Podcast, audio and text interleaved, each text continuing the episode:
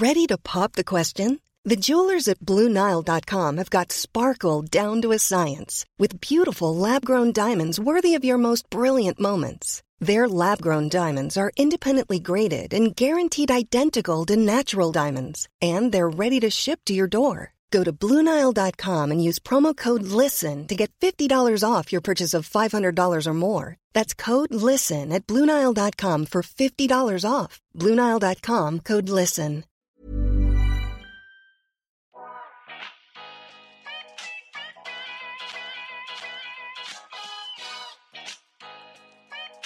Välkommen till En timme med där jag, Sanja Tegeltia, träffar människor som inspirerar mig som delar med sig om sina karriärresor, sina motgångar, om självutveckling och hur de har kommit dit de är idag.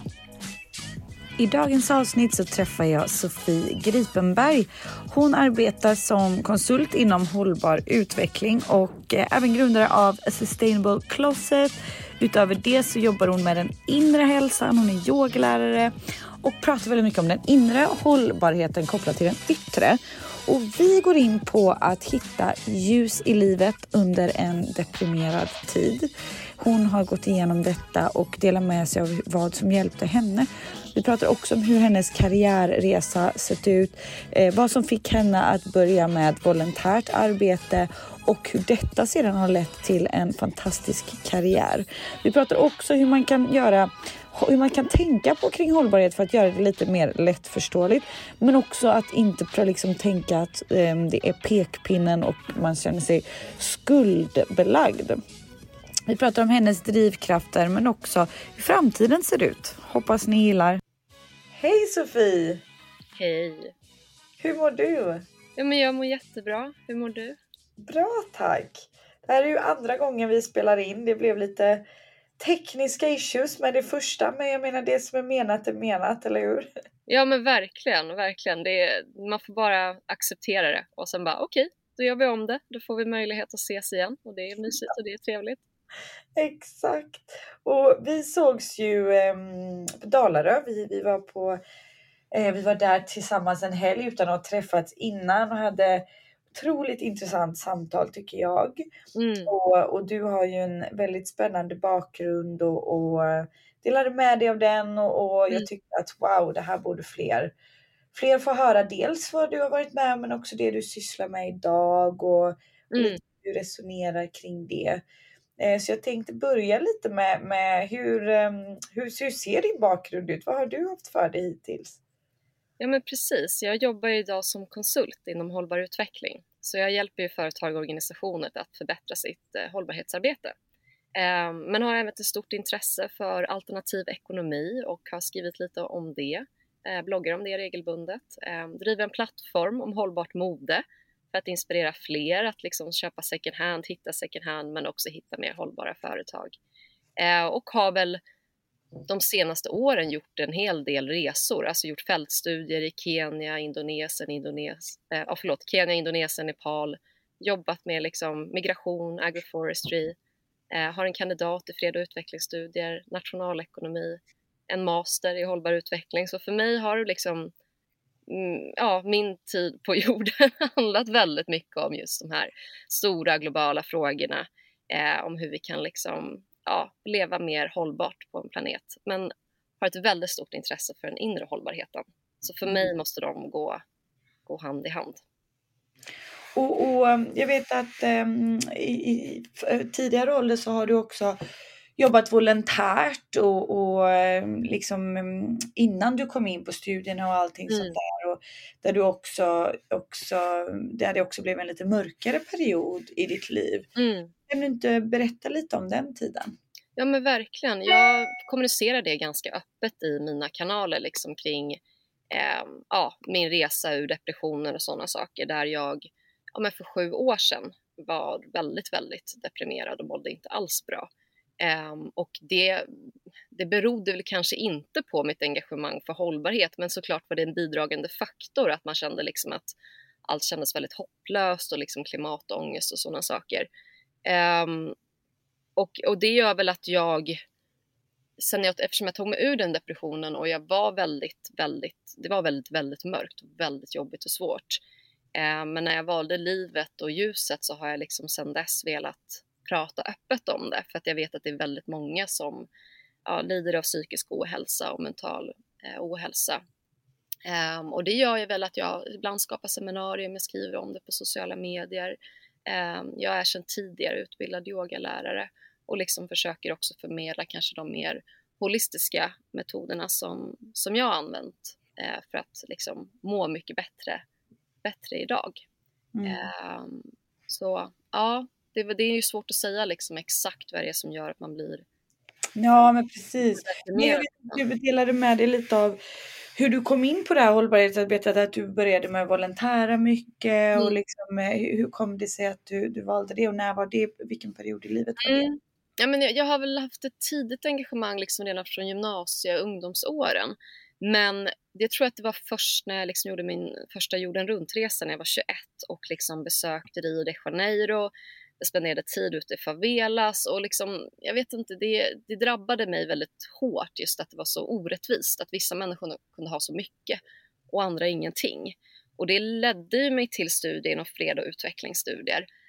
Um, och under den tiden på universitetet så fanns det väldigt många olika ideella organisationer som man kunde engagera sig i. Um, och det var väl egentligen inte menat att jag skulle göra det, men jag hade väldigt mycket driv, jag var väldigt strategisk, jag hade liksom läst företagsekonomi i gymnasiet så att jag hade liksom kanske en annan approach till eh, hur verksamheten skulle drivas. Så att jag ganska snabbt blev jag ordförande för Röda Korsets ungdomsförbund ehm, där vi utökade våra verksamheter, liksom att gå från tre verksamheter till sex verksamheter. Vi ökade medlemsantal till typ 500, vilket var jättestort på universitetet. Ehm, och för mig var det väldigt tillfredsställande att eh, hitta ett konkret sammanhang för ibland kan frågorna bli så stora och i det här fallet så till exempel startade vi upp någonting som hette Kompis eh, och det är en av de första verksamheter i Sverige där nyanlända ungdomar får träffa andra svenska ungdomar. Så liksom hittar man på aktiviteter tillsammans, liksom kan allt från sport, fritid, eh, just för att liksom minska eh, klyftorna och för att eh, de här ungdomarna ska liksom få en bättre fot in i samhället och lära sig språket och sådär. Så mm. att, eh, det har liksom alltid, jag har alltid drivit kampanjer, jag har alltid jobbat ideellt. Eh, idag gör jag fortfarande det, men kanske lite mer som ja, styrelseledamot och sånt där, lite mer strategiskt idag. Medan på den tiden, jag var ju ute i butikerna och liksom försökte så här, det här är rättvis kaffe, varför ska man handla det? Och, ja, jag hade verkligen de här, eh, man kallar det face to face mötena med människor. Eh, och det lärde mig ju väldigt mycket att människor vill ju göra goda val. Alltså många vill ju inte att världen ska vara orättvis. Man vill inte leva med klimatförändringar. Men att kunskapen om hur man kan skapa förändring och på vilket sätt. Eh, och sen finns det alltid några få procent som faktiskt inte bryr sig. Och det var väldigt svårt att så här, upptäcka som ung. Att så här, oj, det finns faktiskt människor. det var en man som en gång sa, liksom, jag försökte förklara varför just det här kaffet var bättre och då tog upp barnarbete och sa, då sa han att det skiter väl jag i. Eh, och det var liksom så här, oj, en wake-up call för mig att det finns faktiskt personer som inte bryr sig alls. Men att majoriteten bryr sig. Man vill bara hitta enkla vägar. Eh, för mm. alla har inte lika mycket tid, alla har inte lika stort engagemang. Eh, mm. Så det är väl mycket det jag jobbar med idag också. Att så här, hitta vad ett företag, vad de anställda är, vad, vad kan vi göra för förändring utefter de förutsättningar vi har och ut efter med de frågor vi brinner för också och tycker är intressanta. Mm, det har mm. blivit en hel del volontärarbete. Men eh, det ledde också mig till min första tjänst inom mm. hållbar utveckling. Så att jag skulle också ändå vilja säga till alla som vill jobba med de här frågorna att eh, det är väldigt nyttigt också för den professionella utvecklingen att eh, ha engagera sig ideellt. För då förstår man lite vad, hur civilsamhället fungerar till exempel. Hur är det att driva en ideell förening? Eh, det är väldigt annorlunda från att driva ett företag exempelvis. Så att det, mm. det är värdefulla erfarenheter oavsett.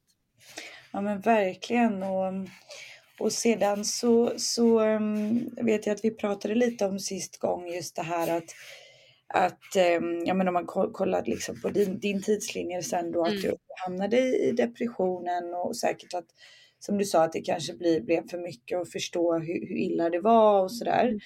Mm. Eh, kan vi inte prata lite om, om hur man faktiskt hittar ljuset mm. i, i, i det mörkret när man är i det? För att mm. det finns ju vissa som är väldigt djupt nere i det och vissa som är lite deprimerade. Alltså, mm. mm. Såklart olika grad, men jag tror att många som kanske lyssnar eh, har ups and downs som vi alla mm. människor har. Så det, det mm. finns ju aldrig något rätt och fel, men det är alltid lärorikt att höra på någon annan har ställt sig upp. Hur, hur mm.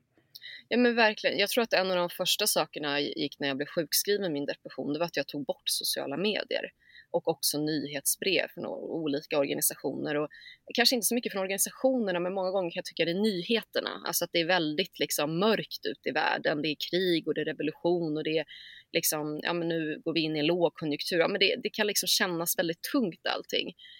Um, så jag tror att när man är när man verkligen inte mår bra så tycker inte jag att man behöver tänka så mycket på de där stora frågorna utan då tror jag faktiskt handlar väldigt mycket om att ta hand om sig själv.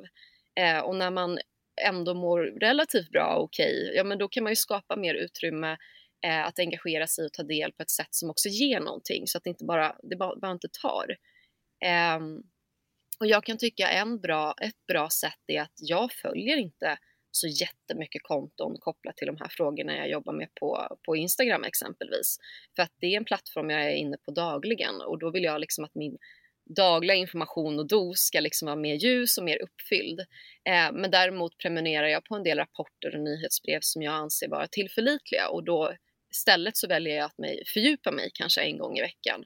Så jag tror att man måste vara kanske lite, ja men välja vilken information och vad man tar till sig. Eh, ta del av goda nyheter. Det finns ju också så positiva förändringar och saker som händer och människor som gör jätte, jättebra grejer.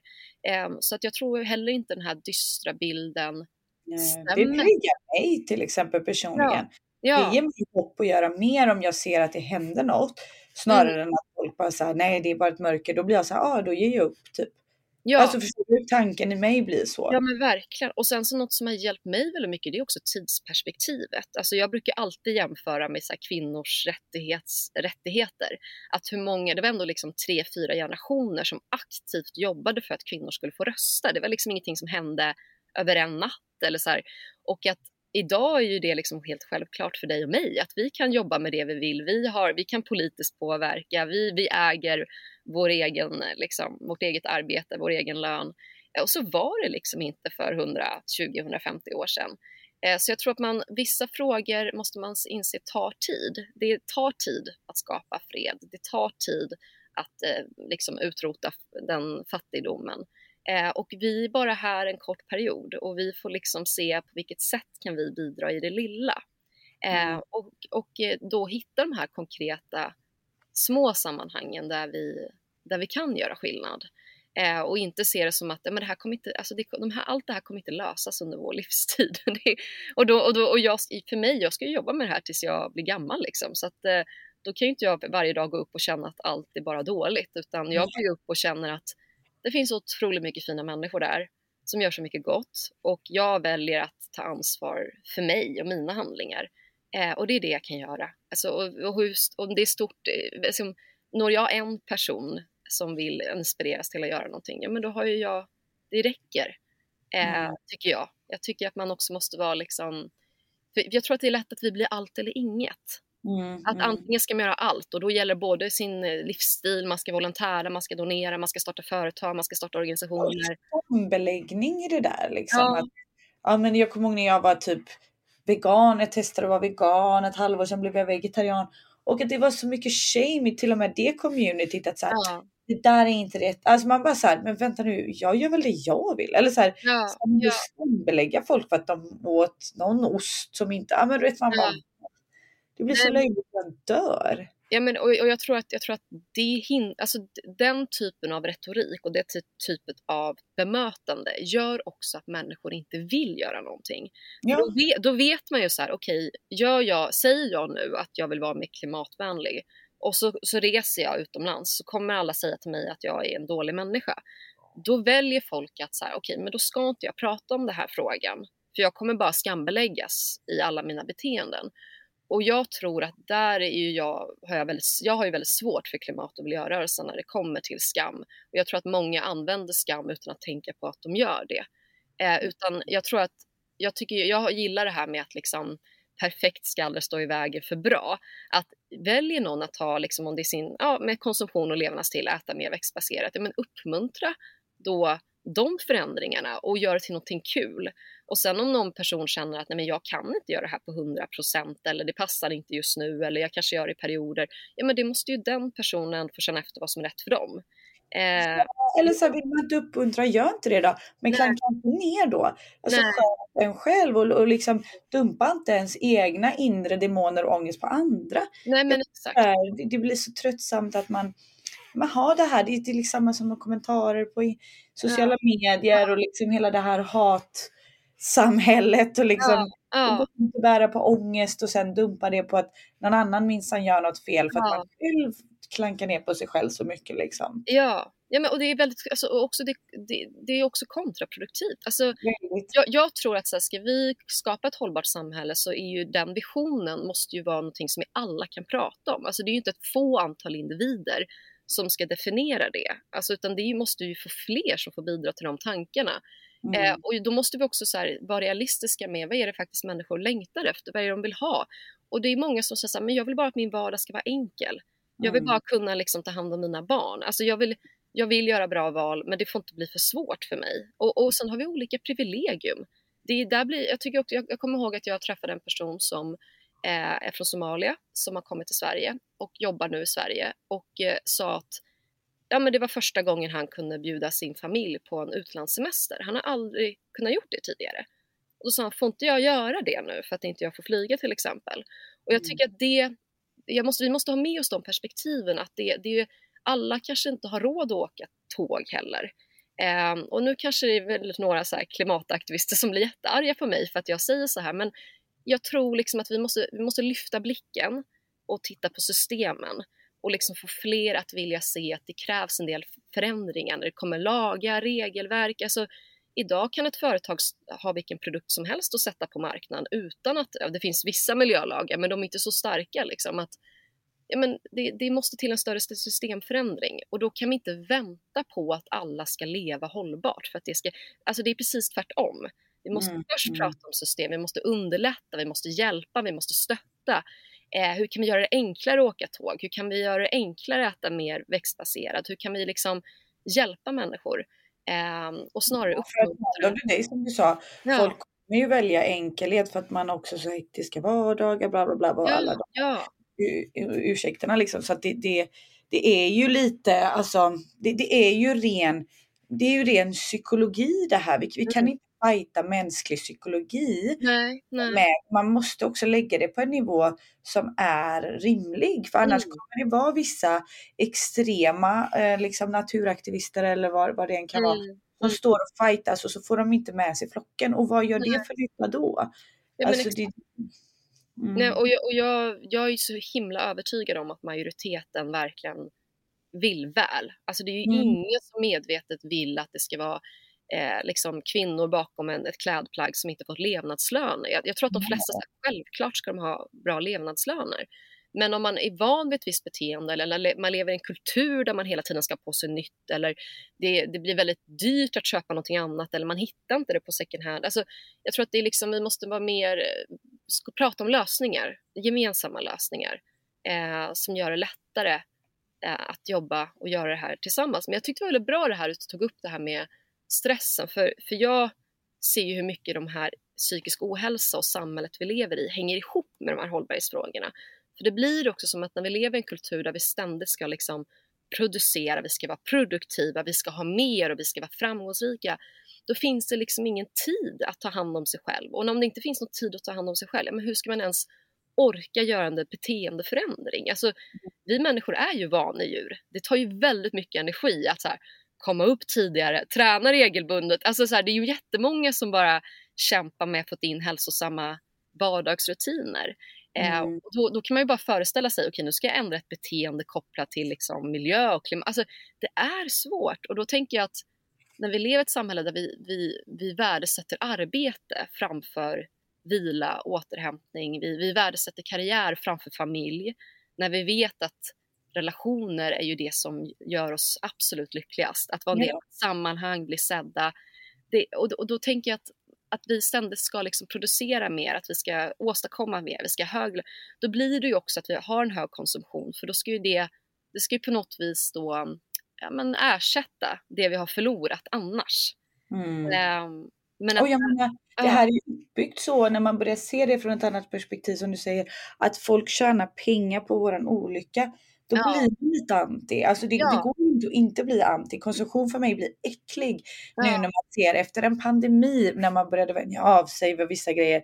Sen mm. kommer lågkonjunktur. Det är ju lite, världen säger ju till oss gång på gång, hallå wake up. Liksom. Ja. håller ni på med? Och, och jag tror att många under pandemin bara, oj vad skönt att vila. Mm. Oj vad skönt att ta tag i sig själv. Mm. Alltså, det är ju ingen slump att det var jätteskönt. Nej, och, och, jag, och, där tror jag, för mig som har studerat ganska mycket liksom, alternativ ekonomi och national, så här, att 60 procent av Sveriges eh, skatteintäkter är ju från arbete. Alltså de, de, det mesta som liksom försörjer vår välfärd är ju skatteintäkter från arbete. Så det finns också liksom ett politiskt intresse att många ska vara sysselsatta och att vi ska jobba så mycket som möjligt. Liksom. Eh, och sen har ju vi väldigt starka liksom, arbetslager i Sverige som gör att vi har semester, vi har vila. Så vi har ju på ett sätt också aldrig jobbat så lite rent så här, vad vi, den ledigheten vi berättigar till. Eh, men samtidigt så tycker inte jag att det är särskilt lyckat när vi inte mår bra. Alltså mm. det, det, om, om jag tror att det är någonstans, det kanske inte är jobb, alltså man måste jobba per se, Nej. utan det är det här begäret de skapar, eller som, som världen skapar runt omkring. Ja. Alltså man vill ha mer, man vill ja. ha mer pengar, man vill ha mer resor, ja. mer större bilar. Alltså så här, det, det, det, det är en konsumtionsinriktningen som gör att man ja. då är man inte nöjd och då vill man ju jobba Nej. mer, då blir det ju liksom psykiskt påfrestande. Ja, och jag, och jag, tror också att det blir, alltså jobb är också kopplat till identitet, alltså vad mm. man jobbar med, var man bor, speciellt om man bor i Stockholm så känner man nog igen det. Att, att det blir också någon slags, allting, varumärken är liksom en förlängning av vår identitet. Så att konsumerar vi de här grejerna, gör vi de här grejerna, då det är det vem jag är. Och mm. om jag inte har ett jobb eller om jag inte gör alla de här grejerna, liksom, vem är jag då? Alltså, ja, ja, ja, verkligen vem är jag om jag inte går på de här ställena, träffar de här människorna? Eh, och, och, och, där tror jag liksom att vi har någonting som vi behöver jobba lite på. Att det här, men vad händer då i stillheten eller i det som är lugnt, i det som är försiktigt? För att just nu lever vi i ett samhälle som kräver en ekonomisk tillväxt. Eh, och då ska det produceras mer, det ska konsumeras mer. Men det går inte. Alltså vi, I Sverige förbrukar vi nästan fyra planeter om alla skulle leva som oss. Alltså mycket av vårt avtryck är, sker ju i andra länder. Eh, och det, det, är inte hållbart, alltså vi, det går liksom inte. Vi, vi, och vi skapar en ojämlikhet i världen som också skapar, när det blir fattigdom och ojämlikheter så bidrar det också till, till krig, till konflikter, vilket påverkar hela världsekonomin för att vi lever i en global värld. Så det har vi ju sett nu med covid, kriget i Ukraina. Alltså det påverkar våra priser så att ju mer stabilitet vi har och ju mindre klimat liksom, förändringar och miljökriser och ju mer färre människor som lever i fattigdom och utsatthet, desto tryggare, bättre marknad och ekonomi har vi. Eh, så att egentligen liksom behöver vi vända lite på det och se att vad är det som är värt någonting här? Vad är det som vi ska sträva efter? Eh, för att det, jag, jag har ändå bott, jag har ju bott i många och varit i många områden där människor rent materialistiskt inte har det så bra. Eh, och jag ska inte romantisera fattigdom för att det finns så reella problem liksom med, med kvinnor som inte får utbildning, eh, tillgång till sjukvård, eh, undernäring. Alltså, då, det är ju en realitet. Men jag har också aldrig sett så många människor skratta och le som på vissa platser. Samma, samma. Ja, och så kommer man i Stockholm och folk bara ser helt döda mm. ut. Alltså förlåt men så här. Ja, men vi pratade om det bara på en middag häromdagen. Ja, Tal om vårt senaste samtal, du och jag. Då, ja. då var då sa du så bra grej, men testa att lyfta upp det här med dina vänner. Ja. Och, och jag gjorde verkligen det ja. nu när jag var med vänner. Och då sa jag det så här, fasken, har ni inte tänkt på det att så här, ja men jag var i typ Indonesien en gång ute på en ja. liten ö. Var, folk var så lyckliga de som levde där och mamma ja. sa verkligen det till mig. Hon bara, titta Sanna, så här, de är så glada till skillnad från ja. liksom, de har inte ens, de har inte ens en tjugondel av alla de grejerna vi har här. Ja. Och, och, och, varför är det så? Liksom bara, ja. bara den frågan. Ja men verkligen. Och fundera på, för att visst det är ju vi lever ju också i en kultur där alla ska vara lyckliga hela tiden och jag tror ja. man måste skilja på liksom välmående och eh, att, att kunna vara nöjd och ha det bra med att vara lycklig hela tiden. För men, det är ju en känsla som kommer och går. Man vaknar inte varje morgon och bara hoppar ur sängen och bara yes! Alltså det, det är liksom ett lyckorus som inte varar hela tiden. Men när, när normaltillståndet eller det grundläggande blir liksom att ja, men allt är tufft, alltså det här klagandet också, allt är tufft, allt är jobbigt. Eh, och, det, och det tycker jag är väldigt intressant. Vad är det som är så jobbigt? Vad är det vi har vad är det för samhälle vi lever i? Vad är det för skap? Vilka förutsättningar? Vad är det? För någonting vi tog upp sist är också så här, apropå miljö, att många söker sig, jag tyckte du sa det så bra, man söker sig till de här platserna där det är natur, där det är stillhet. Ja, där det alla är... åker till Costa Rica nu för att vila sig. Ja. Man bara så här, ja men tänk om inte Costa Rica finns kvar sen för att vi ja, ja. gör det. Liksom så här, vi har pengar. Ja, och sen blir det också så när vi kommer till alla de här paradisen och så kommer fler och fler och sen blir det inget paradis längre för det har liksom Hela Stockholm är där istället. Ja, men det har liksom blivit helt exploaterat. Eh, och så skapas alla event och allting där och så blir det lika stressigt ändå. Liksom. Så att, ja. menar, det, det, är klart att det säger också någonting om vad vi längtar efter. Det är det, vi, vi vill ju ha natur. Vi vill ja. ha... Men får jag fråga en sak som jag är intresserad av att höra din åsikt kring? Mm. Tror du att det är möjligt att ha och ändå rädda världen? Är du med på min fråga? Ja. ja. Var är det tipping point? För att nu känner ju människor så här, men fan jag har ju jobbat hårt för den här bilen. Jag har ja. jobbat hårt. Ja. Så här, tror du det är möjlig balans där att ha, men utan att det blir äckligt med ja. ja. Nej men, nej men just kopplat, alltså för det första tänker jag så här att konsumtion är ju inte den enda delen. Alltså vi, idag är vi som, lever vi identifierar oss som konsumenter. Alltså den den kulturen är så enormt stark. Och jag skulle nog säga att det finns många kulturer som inte kopplar till konsumtion, utan du kan ju göra skillnad som ja, men volontär, rent strategiskt på din arbetsplats, eh, politiskt. Alltså det finns ju så många sätt att bidra. Eh, men när det gäller konsumtion så tänker jag att det många tänker att de behöver liksom på något vis sälja och göra sig av med allting de har. Eh, och det ska man nog absolut inte känna att man behöver göra. Um, utan ja, men jag, jag, tror att det är väldigt viktigt att tänka på att vi lever i en kultur eller ett samhälle där vi identifierar oss mycket som konsumenter. Så när vi tänker liksom på att bidra till en hållbarare värld eller vad det, göra världen bättre eller vad det nu än är, så tänker vi oftast i termer av konsumtion. Och jag menar konsumtion är ju en jätteviktig del för att konsumtion är en jättestor del av problemet.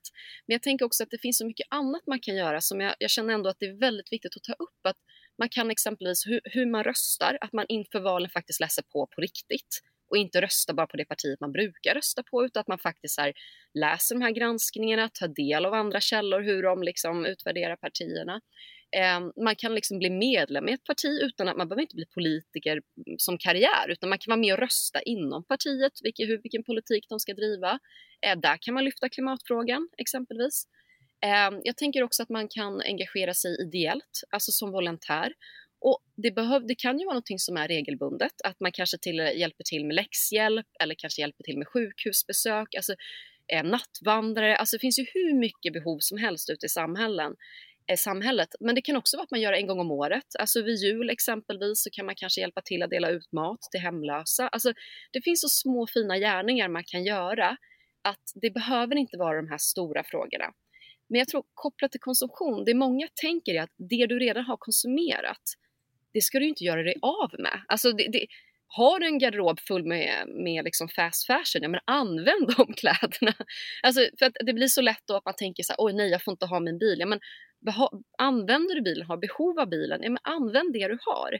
Sen när man ska köpa någonting nytt nästa gång, då kan man ju utvärdera, ja men behöver jag det här eller hur, liksom på vilket sätt och varför? För att vi, vi har ju olika behov. Bor du på landet, ja men då är du bilberoende. Bor mm. du i stan kanske du inte är lika bilberoende. Då kanske man kan vara med i en bilpool exempelvis. Men jag tror att ta upp, ta upp det när det liksom blir aktuellt och tänk inte så mycket på det annars. Men sen kan man ju fråga sig så här, ja men hur mycket kan vi ackumulera? Alltså vad, hur kan vi leva? Vad, vad är hållbart? Och där behöver vi jättestora förändringar när det kommer till vår, dels vår transport, hur vi transporterar oss, eh, också vårt matsystem. Eh, men jag tror att som individ får man liksom tänka good enough. Att så här, okej, okay, kan jag göra en mindre flygresa nästa år och göra en tågresa istället? Eller kan jag eh, varje lunch den här veckan ska jag välja det vegetariska. Alltså att man hittar de här små utmaningarna eller typ man träffar sina vänner och kanske har en klädbytarträff. Alltså så här, nästa gång vi umgås, alla tar med sig kläder de inte använder och så byter vi med varandra. Alltså, det handlar verkligen om små, små grejer som, som man kan göra annorlunda. Eh, men ja, jag tror att det blir ju väldigt svårt kanske att leva hållbart i längden om folk ska ha tre bilar, eh, tre hus och eh, liksom resa varje vecka. Alltså det, det, mm. det, idag har vi friheten att välja eh, och priset på marknaden representerar ju inte den faktiska kostnaden. Alltså skulle vi inkludera en levnadslön för alla människor exempelvis så skulle ju allt vi producerar, alltså konsumerar, vara så mycket dyrare. Mm. Och jag tror att vi kommer ju komma dit oavsett, det, frågan är bara hur smärtsamt det blir. Um, för att dels kommer lagar och regler ändras av etiska skäl, jag tror påtryckningar från EU. Eh, men sen kommer det också behöva göra det för att det, för att det blir brister på vissa mineraler exempelvis. Um, och det, det, här gör ju att... Brister. Ja. Trippas, trippas ja. för, eh, för leverantörer för att de ska kunna köpa in. Alltså det, är så här, det är väl redan på gång? Verkligen. Och jag menar, vi har aldrig lagt så lite del av vår Alltså om du tittar på vår totala budget på fasta kostnader som vi gör idag. Vi har liksom vant oss vid att kunna leva och göra lite som vi vill. Um, och, det, och, det, kommer vi behöva liksom tänka till kring. Energi och vatten, det, det kommer inte vara lika tillgängligt, billigt. Utan det, det, kommer verkligen bli... Um, och, och, och, det, gör ju inte att jag är så negativ till teknologisk utveckling eller att... Alltså ab, absolut, men, men jag tror att vi behöver inse att om ett klädesplagg till exempel, det, det, är en värdefull resurs. Det är liksom det, textilfiber är inte så lätt att tillverka och att vi snarare liksom går från låg kvalitet till hög kvalitet och att vi vårdar sakerna, att vi cirkulerar dem, att vi tar hand om dem. Mm. Eh, men jag, jag, tror inte att man ska tänka att man ska leva ett liv där allt, för det här låter ju så negativt, bara ska ha mindre av allting. Ska jag inte få handla vad jag vill? Och jag tänker så här, nej, du kanske kan få mer tid i naturen, du får mer tid med möten, det kanske är mer tid på din hälsa istället för mm. prylarna. Eh, när du väl köper något eller har något så är det någonting som du faktiskt värdesätter och inte något som bara ska lösa ett problem. Så ja, jag verkligen. Ja, jag, ja. säger man, så här, man får vrida och vända på det, för jag, jag har haft sån himla fas, exakt det du pratar om ja. just nu i livet, att jag är så här, vänta nu, vad är det som genuint gör mig glad och lycklig i själen? Mm. Eller snarare må bra, på tal om att inte hela tiden sträva efter lycka. Mm. Vill. Men just att så här, ha lyxen med frihet att bo vart jag mm. vill. Så här, ja men vänta nu, jag kanske ändå ska sälja av min bil och liksom eh, mycket av mina tillgångar mm. för att kunna bo utomlands ett tag. Ja, ja. Här, för mig är det så här, jag har mm. vägt och kommit fram till att så det gör ju att jag mår bra. Ja. Och de grejerna mm. gör inte riktigt det. Nej. Det är kortsiktig liksom kick. Och, och mm. när man börjar du vet, så väga, jag tror att många kommer komma dit att de så här rannsakar sig själva. Ja men verkligen. Och jag menar, ting tar ju energi. Alltså mm. det blir ju mer ting att hantera, du ska städa och... Eh... För det är parkeringen där, sen är ja. det städgata där. Och, men en sak jag ville fråga dig är så här, för att jag hade ett otroligt spännande möte med, med vdn på, på mjölkföretaget, man kan ju inte säga mjölk, men ärtmjölk. Mm. Ja vi hade, hon öppnade ögonen för mig väldigt väl och sa sådär, men vi är liksom sju skördar bort från att vad, vad jorden mäktar med och ja. förstår inte folk det sa hon. Jag bara mm. nej, jag var väldigt ärlig, jag bara, folk förstår inte det. Alltså, och nej. säger du det sådär så kommer inte bita och vi diskuterar fram och tillbaka hur mm. har folk att fatta det här allvaret. Mm. Liksom. Mm tror du är viktigt för att få, för jag menar du är ändå konsult mm. inom området. Mm. Vad mm. tror du är nyttigt för att få med sig folk utan att vara pekpinnen eller för att mm. göra det så dödsallvarligt så folk bara uh, ångest och på huvudet i handen mm. i sanden? Nej, men det, det, blir ju så att man, man läser på med en fråga och så gräver man lite djupare och så gräver man lite djupare och så bara man det här är inte, det här är inte sant. Alltså du vet man, det, man blir man blir mörkrädd liksom när man ser och lär sig och tänker om vissa saker och man undrar hur kan det här ens vara lagligt liksom. Mm. Eh, så att jag tror att fördjupar man sig inom klimat, miljöfrågor eller hållbarhet generellt så kommer det nog komma stunder man tycker att det, man blir ledsen, man blir arg och jag tänker att man måste få låta sig att känna det, för man är ju bara människa och man vill ju att allt ska vara bra. Ehm, men, men jag tror att alltså det jag gör under mina utbildningar och workshops och där, jag tror det är väldigt viktigt att titta på systemen och inte prata så mycket om individen när vi pratar problem. När vi pratar lösningar, då kan vi prata individer. För att då är det någonting positivt som du kan göra. Och det betyder inte att du som inte individ inte är en del av problemet, det är vi allihopa. Men du är inte medveten en del av problemet och du, du har inte den intentionen. Utan, utan jag brukar titta på systemen, hur systemen funkar. Eh, och liksom prata om vad är det som behöver, vad behöver, som behöver ändras. Jag menar, majoriteten av till exempel all jordbruksmark inom EU används till djurfoder. Och det är liksom inte många som vet, alltså det är till animalier och då, då är det så här, men det funkar ju inte. Alltså det, det måste, den, den procentandelen måste ner samtidigt som en större procentandel av jordens yta nu behöver bevaras um, liksom för den biologiska mångfalden. Okej, okay, då innebär det att vi har mindre yta som ska ge, mätta fler munnar. Eh, och, den, och då, utefter den logiken så måste vi hitta lösningar. Eh, mm. Och då är det ju så här, okej, okay, men kan du ha en kost då som kräver mindre resurser så har ju du bidragit. Och du behöver, det behöver inte liksom alltid vara 100% veganskt och växtbaserat, men skulle alla byta ut någon måltid då och då så skulle det liksom, Sverige hade ju sin meat peak 2017 och vi är en av de få länderna där liksom köttkonsumtionen faktiskt har gått ner. I de flesta länder fortsätter den gå upp för att det här har med, så fort människor får mer pengar så vill man äta mer animalier. Det är liksom en lyxprodukt, det, det är kopplat till kultur. Mm. Um, och, det, och det har, den piken har inte vi haft för att vi har haft politiska förändringar. Utan den piken har ju nåtts för att människor har blivit mer flexitarianer. Alltså det är fler som väljer att äta mindre kött på tallriken, inte för att fler är veganer. Och jag tänker sådana typer av saker är ju väldigt positivt att se att du kan göra skillnad i det lilla. Men sen mm. tror jag också att, återigen det här jag pratade om, det här volontärarbetet, community, arbetsplatsen, att eh, hitta sammanhang där man kanske driver igenom en fråga. Men bo, man är aktiv i bostadsrättsföreningen. Okej, vad kan vi göra i vår bostadsrättsförening för att minska energiförbrukningen, för att eh, ha mer liksom, miljövänlig städning eller jobba med bihotell på vår innergård. Alltså, det finns ju små saker som så här, men skulle vi alla göra någonting där så, så gör vi ju någonting ett steg, ett steg åt rätt håll. Men för de som tänker så här, men vad kan lilla jag bidra med? Ja. Kan man bidra med en individ? Ja, men det gör du ju redan. Mm. Du, varje gång du köper något så röstar ju du för den världen du vill leva i. Mm. Mm. Så du, du bidrar redan. Ja, ja, men det är bra att få, få med sig för att det känns som att det är den vanligaste liksom, ja. linen man hör. Och ja. liksom, vad fan, har jag verkligen någon påverkan? Eller ja. man, man tänker så för sig själv. Ja, och sen tror jag alltså kopplat till det här med inre hälsa och välbefinnande, alltså det handlar ju väldigt mycket om liksom men vad ska samhället facilitera för oss? Alltså vad, vad, ska det liksom, vad ska förenklas? Vad ska göras bättre? Vad, ska, vad, vad för typ av samhälle vill jag leva i? Och att, vad vill jag att nästa generation ska vakna upp till? Vad ska de växa upp till? Vilka berättelser ska de få höra om människan och världen? Och ibland så är ju inte allt som är bättre kopplat till materia. Även om det är liksom från ett klimat och miljöperspektiv det är så det är alltså en stark realitet att vi använder mer och mer naturresurser, de måste minska.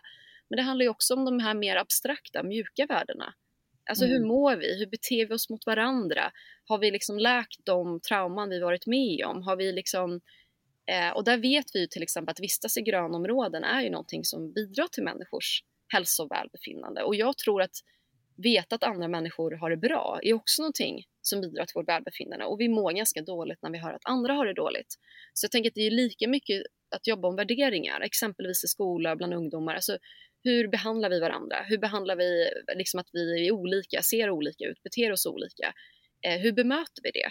Eh, bemöter vi det med kärlek och nyfikenhet eller bemöter vi det med hat och rädsla? Eh, mm. De sakerna är minst lika viktiga. Eh, så ibland kanske man känner så här, men jag är ju inte skillnad, men om du tog din tid att prata med en vän som behövde ditt stöd, eller om du eh, tog upp någonting på arbetsplatsen där du, som du tyckte att det här var inte ett okej beteende, att du eh, lyfter till banken och säger att för mig är det viktigt att mina investeringar har en jämställd eh, dynamik i bolagsstyrelsen. Alltså jag vill mm. bidra till liksom, företag och organisationer där liksom, kvinnor får äga, driva bolag. Ja, men då har du också återigen gjort skillnad. Så det, mm. och det, det, vi måste förstå att vi jobbar tillsammans. Eh, det känns som att man är själv i det. Men det är du inte. Utan det är, du lyfter frågan, jag lyfter, du lyfter frågan med dina vänner, sen kanske någon annan lyfter frågan och så bara, nu är det tredje personen som har frågat mig det här. Eh, mm. och det behövs bara det för att någon ska vilja ändra, för att vi ska helt plötsligt ha skapat en ny kultur och norm. Så att, ja, och jag menar, som vi pratade om förut, jag menar vissa som kanske då säger att de inte bryr sig och bla bla bla. Ja men då borde man typ bara liksom poängtera det där med att vad åker du på semester? Ja. Är det där det finns djur och naturliv som är friskt? Ja, till stor sannolikhet så ja. är det dit alla drar sig för att återhämta sig. Ja. Och jag menar så här, då kan man inte riktigt inte bry sig. Ja, för man vill ju ha det där kvar. Ja. Så här, at the end of the day. Ja, men, och jag tror att det är bra att lyfta som, exakt som du sa, som man eh, har en koppling till. Lite ja. så här, what's in it for me? Exakt. Eh, Spelar man på folks egon, alla bryr ja. någonstans sig. Och, återigen den här psykologiska aspekten att så här, folk kommer vill inte vilja göra livet obekvämt för sig själv. Nej. Ja, men då kanske man liksom ruckar bort någonting från dem som är riktigt lyxigt.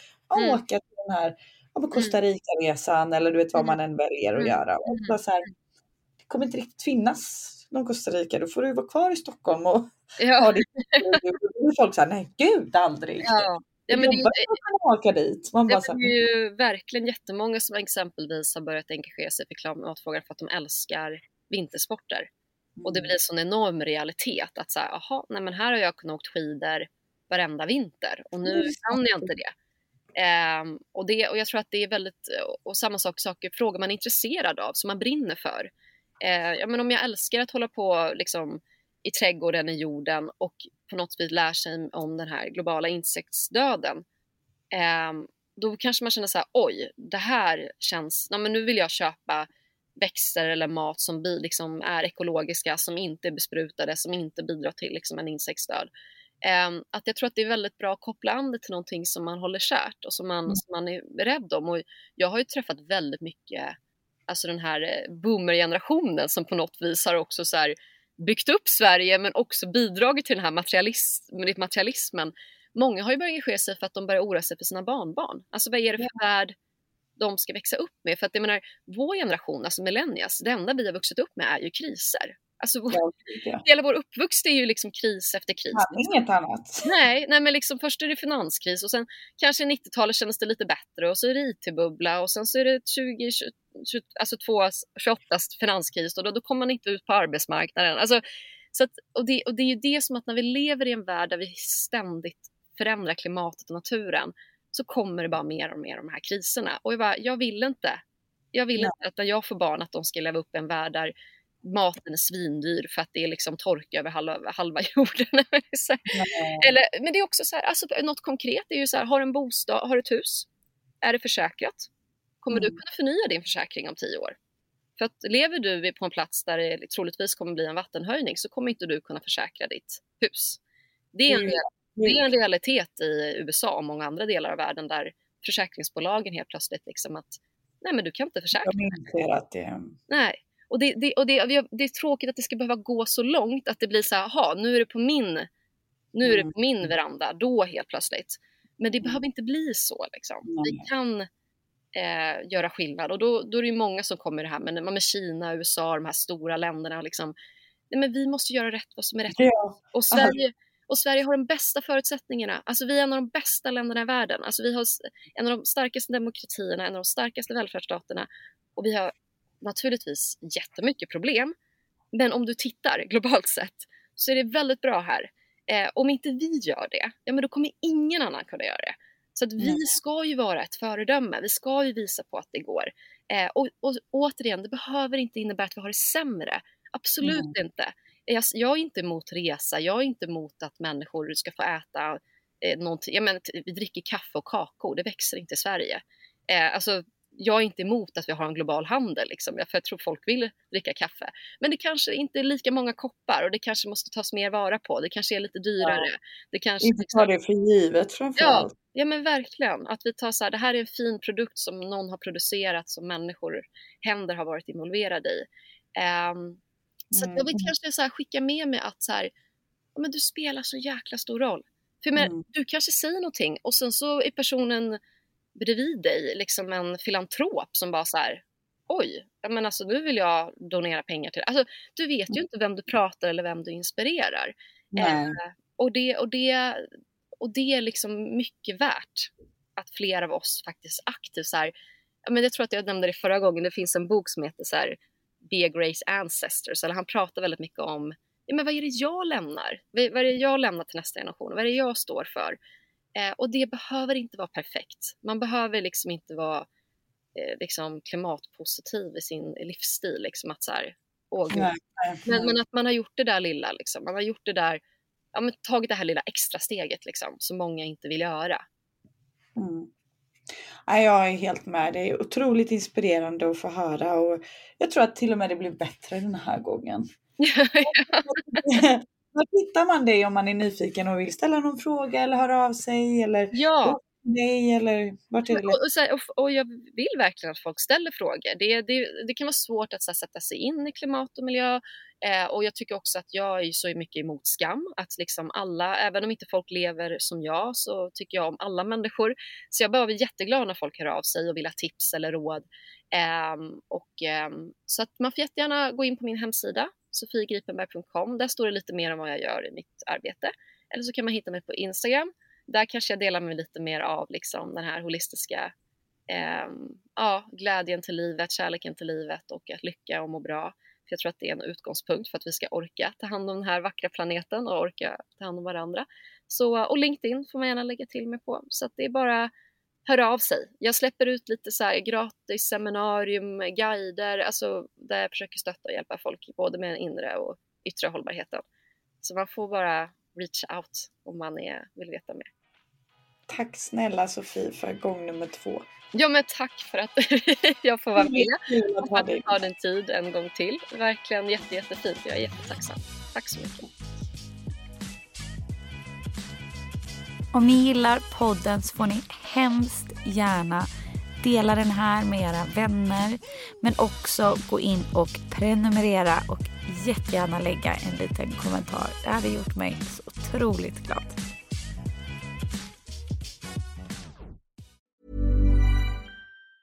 Planning for your next trip? Elevate your travel style with Quince. Quince has all the jet-setting essentials you'll want for your next getaway, like European linen premium luggage options, buttery soft Italian leather bags, and so much more. And it's all priced at 50 to 80% less than similar brands. Plus, Quince only works with factories that use safe and ethical manufacturing practices. Pack your bags with high-quality essentials you'll be wearing for vacations to come with Quince. Go to quince.com slash trip for free shipping and 365-day returns. Mom deserves the best, and there's no better place to shop for Mother's Day than Whole Foods Market. They're your destination for unbeatable savings, from premium gifts to show-stopping flowers and irresistible desserts. Start by saving 33% with Prime on all body care and candles. Then get a 15-stem bunch of tulips for just $9.99 each with Prime. Round out Mom's menu with festive rosé, irresistible berry chantilly cake, and more special treats. Come celebrate Mother's Day at Whole Foods Market.